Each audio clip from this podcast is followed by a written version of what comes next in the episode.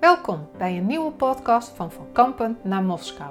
Een podcast waarin ik vertel over de totstandkoming van onze YouTube-aflevering en meer vertel over de onderwerpen die in de aflevering aan bod komen.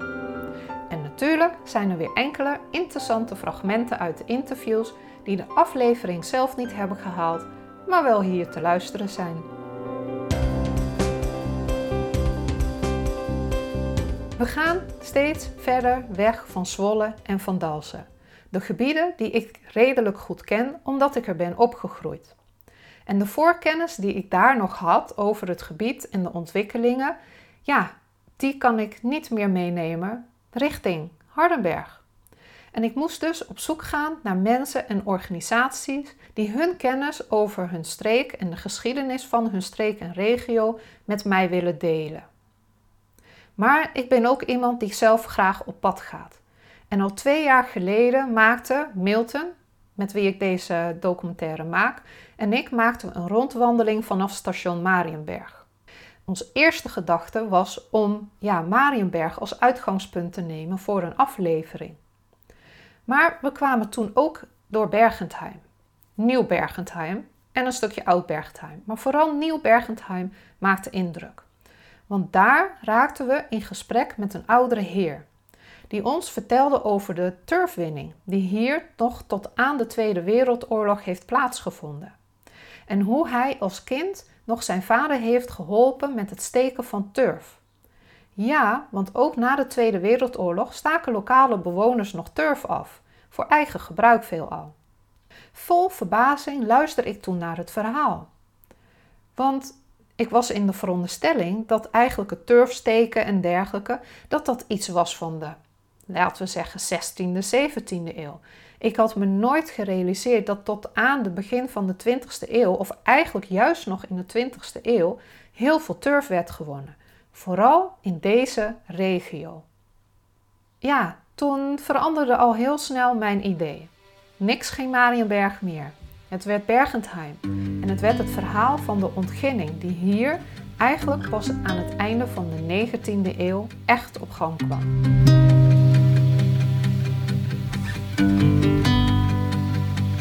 Maar ja, dit was zo'n beetje wat ik wist van de omgeving van Bergentheim. Want als kind ging ik vanuit Dalsen eerder naar Zwolle, heel af en toe naar Omme, maar voorbij Omme kwam ik niet. Wat ik tijdens die wandeling twee jaar geleden ook al realiseerde, was dat ik eigenlijk van het moment dat je eigenlijk in Marienberg komt en je gaat dan verder richting Hardenberg, dan lijkt het wel alsof je in een heel ander soort Overijssel terechtkomt. Niks geen glooiende heuvels, vooral met zandgronden en enorme bossen. Nee, in plaats daarvan rechte wegen, eindeloze vergezichten over weilanden met hier en daar een grote boerderij. Maar goed, eerst moesten we nog een aantal andere afleveringen maken, maar vorig jaar brak de tijd aan dat ik mijn oren te luisteren wilde leggen. Ik begon te surfen op het internet om te zien waar ik informatie kon vinden over de handel en internationale connecties in deze regio. Qua gesprekken begon de voorbereiding voor de aflevering over Bergentheim met een telefonisch gesprek met Marten Willems. Hem was ik tegengekomen in de YouTube-video over Bergentheim. En voordat ik het wist, was ik in één keer met hem aan de telefoon en voerde hij met allerlei informatie en namen uit de regio. Hij gaf me ook goede tips voor de aflevering die ging van Ommer naar Bergentheim. Zo attendeerde hij mij op Erve Volkerink, waar ik in de vorige aflevering op bezoek ging. Maar hij wist nog veel meer plaatsen uit te lichten die interessant zouden kunnen zijn voor onze serie. Klein detail. Martin heeft als hobby het maken van fietsroutes en hij zet ook geocaching routes uit langs de verschillende historische bezienswaardigheden in de regio.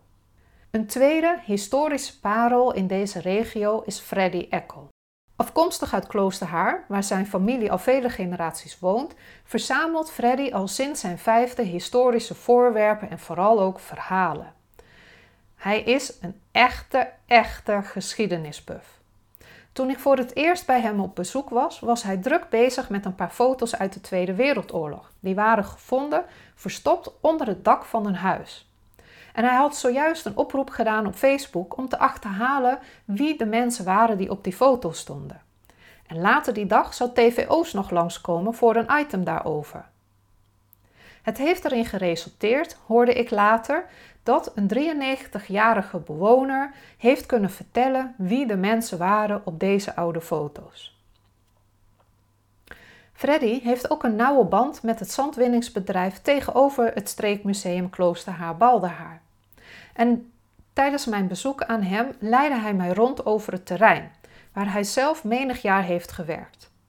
Heel indrukwekkend, al die verschillende soorten zand, maar ook de grote vrachtwagens die af en aan rijden.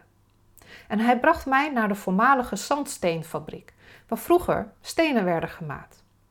De fabriek is nu dicht en wordt beetje bij beetje gesloopt. En in die fabriekshal ontmoette ik een relatief jonge man, laat ik zeggen een veertiger, die mij vertelt over de tijd dat de fabriek nog in werking was. En dat het een van de best presterende en meest innovatieve bedrijven was in Nederland. En het doet hem nog steeds pijn dat het moest worden gesloten. Behalve dit verhaal maakten ook de grote stalen ovens met een diameter van, ik denk wel 2 meter en een lengte van zeker 10 meter grote indruk op mij. In deze grote pijpen werden namelijk de stenen gebakken. En dan heb ik het nog niet eens over de enorme ijzeren, metalen, ik weet niet, hele zware persen en oerdegelijke machines die daar nog in de oude hal stonden. Een stukje industrieel erfgoed eigenlijk. Maar dat verdwijnt, want nu wordt alles gesloopt. Ik vind het eigenlijk wel jammer dat ik dit verhaal over de zandsteenfabriek, die daar uh, ja, tussen Baldehaar en Kloosterhaar stond, niet kon meenemen in deze aflevering. Maar ik onthoud het wel, want het verhaal van de zandwinning, maar ook van de zoutwinning in deze regio, is toch wel een interessant onderwerp om ooit eens aandacht aan te besteden.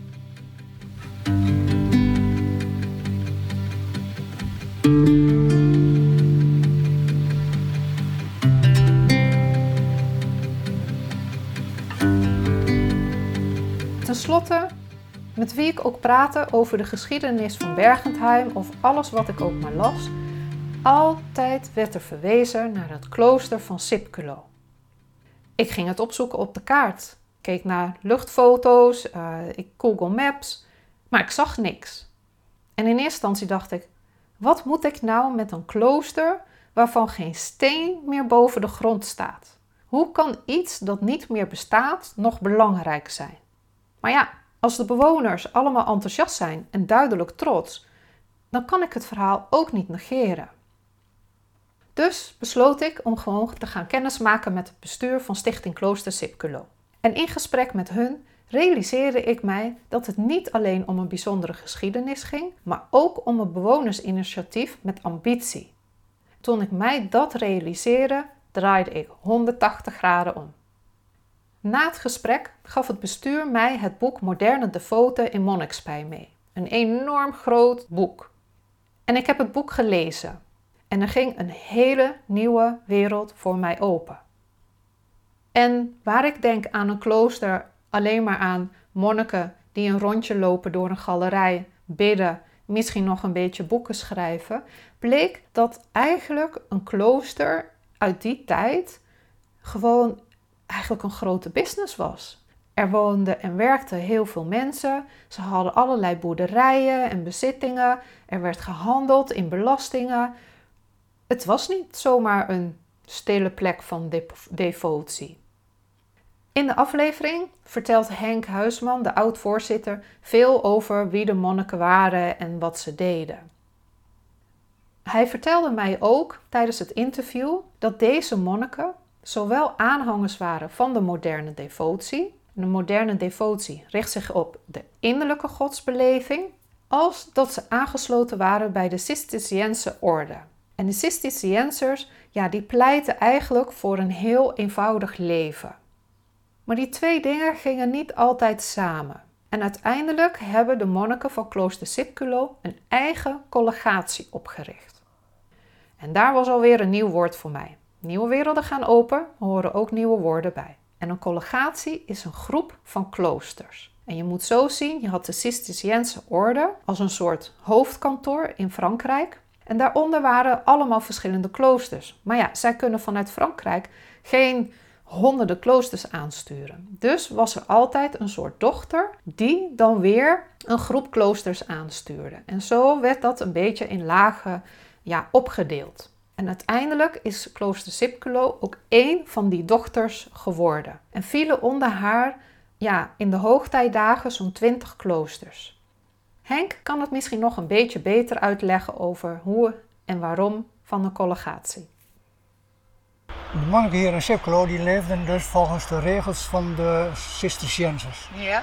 Alleen op een gegeven moment vonden ze dat eigenlijk niet meer passend bij hun. Ja. En de invloeden die ze hadden van het moderne devotieverhaal en dat van de Cisterciënsers, dat was, ja, dat botste wel eens een beetje. Ja. Vandaar dat ze dus in Sipculo dus besloten hebben om een eigen collegatie op te richten. Ja. En die naam kreeg ook de, uh, de naam van Sipculo werd ook in die collegatie dus als hoofdklooster aangemeld. Ah, de ja. collegatie van Sipculo. Ja. In een aantal jaren hebben zich daar een twintigtal kloosters bij aangesloten, die ook volgens de regels die opgesteld waren in Sipculo wilden leven. Niet alleen in Nederland, maar ook wat in Duitsland en ook wat in België. En die regels van de, van de collegatie van Sipculo, dat was eigenlijk iets wat eigenlijk tegenwoordig ook speelt. Duurzaamheid. Waarom moet je het ver weghalen als je het zelf kunt verbouwen? Ja. Hè? Het omzien naar elkaar. Afzien van persoonlijke rijkdommen. Dus alles gemeenschappelijk. Hè? Dus gewoon Ja. voor elkaar zijn. Ja.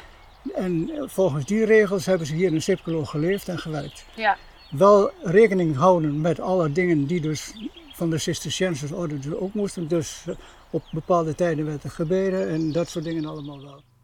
Tijdens mijn gesprekken met lokale bewoners en geschiedeniskenners werd ook vaak naar Stichting Dozen en Dorp verwezen. Maar er werd dan altijd gelijk erbij gezegd dat deze stichting liever geen publiciteit wilde. En dat klopt misschien wel, want ze hebben nooit een antwoord gegeven op mijn e-mail met de vraag om wat meer informatie. Maar het verhaal van deze stichting is wel echt bijzonder. En daarom heb ik het toch benoemd in onze aflevering over Bergentheim. Deze stichting, die in 1919 werd opgericht om eigenlijk landarbeiders te helpen eh, ja, bij het verwerven van een stukje grond en een bewoning, met behulp van financiering vanuit de overheid, die stichting bestaat nog steeds. Want ze waren zo slim om zelf grond aan te kopen en dat weer te gaan verhuren of weer te verkopen, zodat ze een eigen vermogen opbouwden. Gelukkig kon ik veel informatie halen uit een boek dat in detail hun geschiedenis beschrijft en mij van input voorzag over dit bijzondere fonds. Titel van dat boek is Landarbeidersbelang tot Mekanaat. En verkrijgbaar trouwens bij de verschillende historische verenigingen in de regio.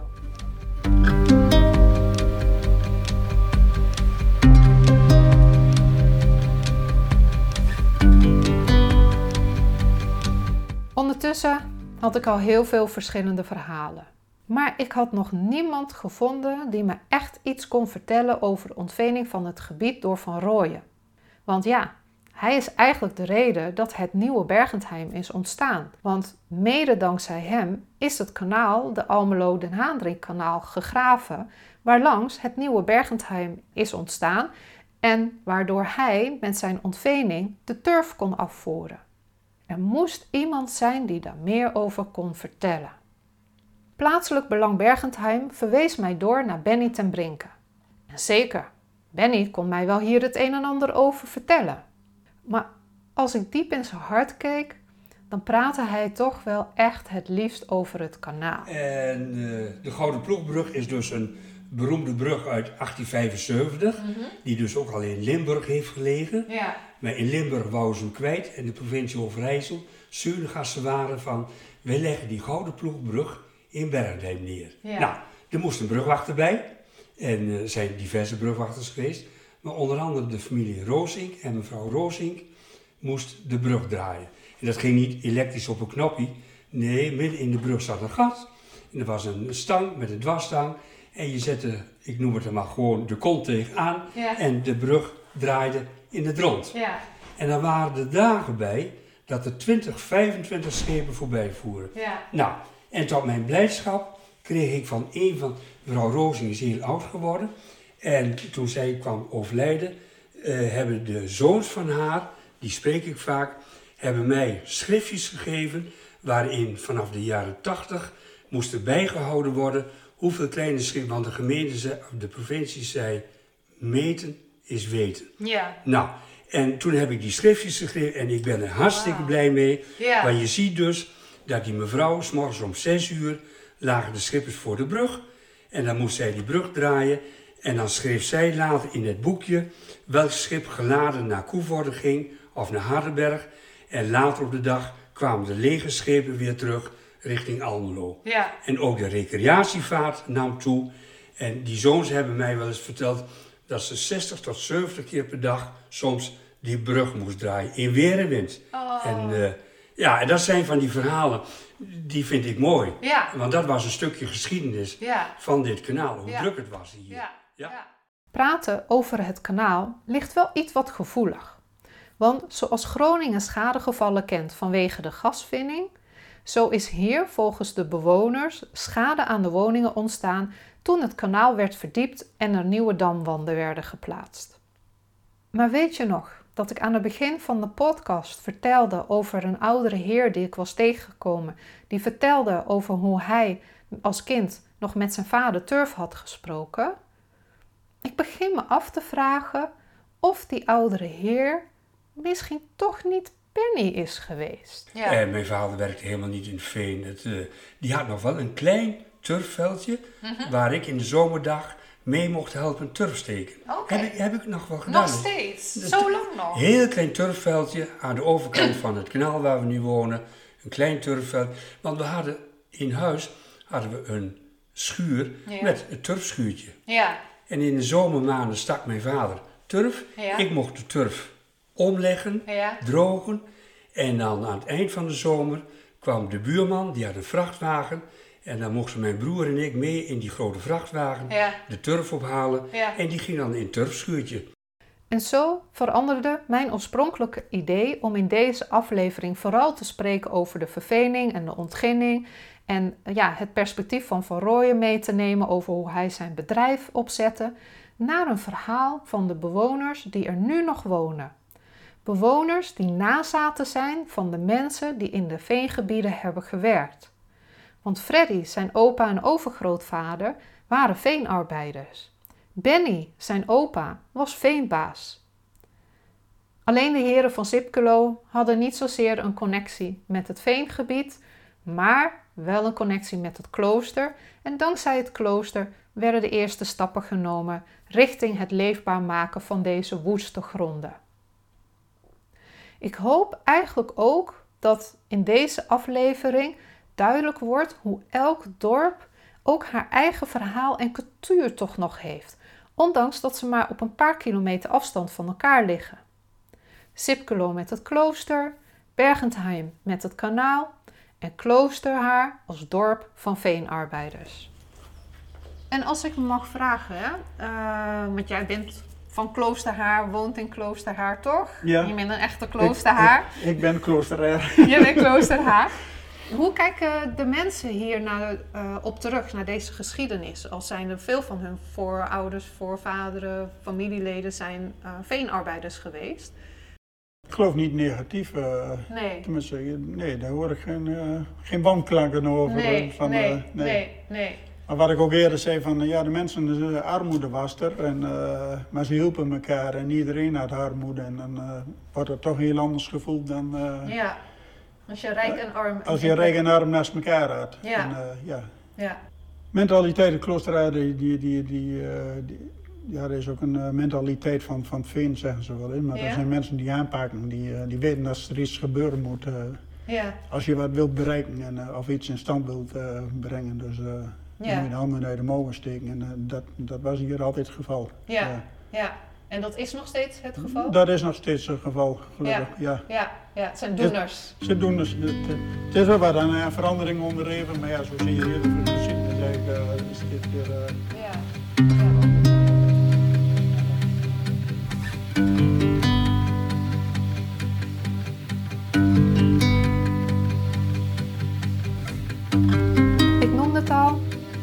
En ik waren twee jaar geleden al onder de indruk van de wijsheid van het landschap. De vele akkerbedrijven, maar ook de grote stallen vol met koeien en kippen. We hadden eigenlijk het gevoel in de Flevopolder te zijn en niet in Overijssel, zoals we dat dan tot dan toe hadden gezien. En we beseffen, wauw, dit is interessant, een heel ander stukje Overijssel. Er was alleen één probleem. Met geen mogelijkheid kon ik het verhaal vertellen aan de hand van een route. In afleveringen tot dusver, als je die hebt gezien, was ik eigenlijk altijd van A naar B aan het wandelen. En nu was het oorspronkelijke idee dat ik van Oud-Bergentheim naar Hardenberg zou gaan wandelen. En dat ik dan onderweg tijdens de wandeling de verschillende verhalen vertel en de mensen ontmoet voor een interview. Maar dat ging nu niet. Dit is dan ook de eerste aflevering waarbij we dat format ook echt hebben losgelaten. En er was eigenlijk nog een tweede probleem. Want we dachten, mooie wijdse uitzichten, weinig bewoning, dus het zal er wel rustig zijn. Nou, dat hadden we even onderschat. Want wie denkt dat het op platteland allemaal lekker rustig is, vogeltjes fluiten en al dat soort dingen, vergeet het. Hier in deze ja, gebied rondom Bergentheim hadden we nauwelijks een moment van stilte. Langs het kanaal reden vrachtwagens, trekkers, auto's, fietsers. Het was een komen en gaan van geluid. En het heeft ons af en toe best wel wat moeite gekost om die stille momenten te vinden voor de opnames. En af en toe zijn we ook maar even een, een zijstraat ingegaan en hebben daar onze opnames gemaakt. Woeste Gronden ontgonnen is een aflevering geworden die het verhaal vertelt van de nazaten van de vroegere bewoners. En deze nazaten zijn duidelijk trots op hun geschiedenis, op hun eigen dorp. En ze zijn verankerd op het zand, in het klei en aan het kanaal. Dus als je de aflevering nog niet hebt gezien, dan raad ik je aan om hem nu te gaan bekijken. Je vindt de link in de beschrijving van deze podcast.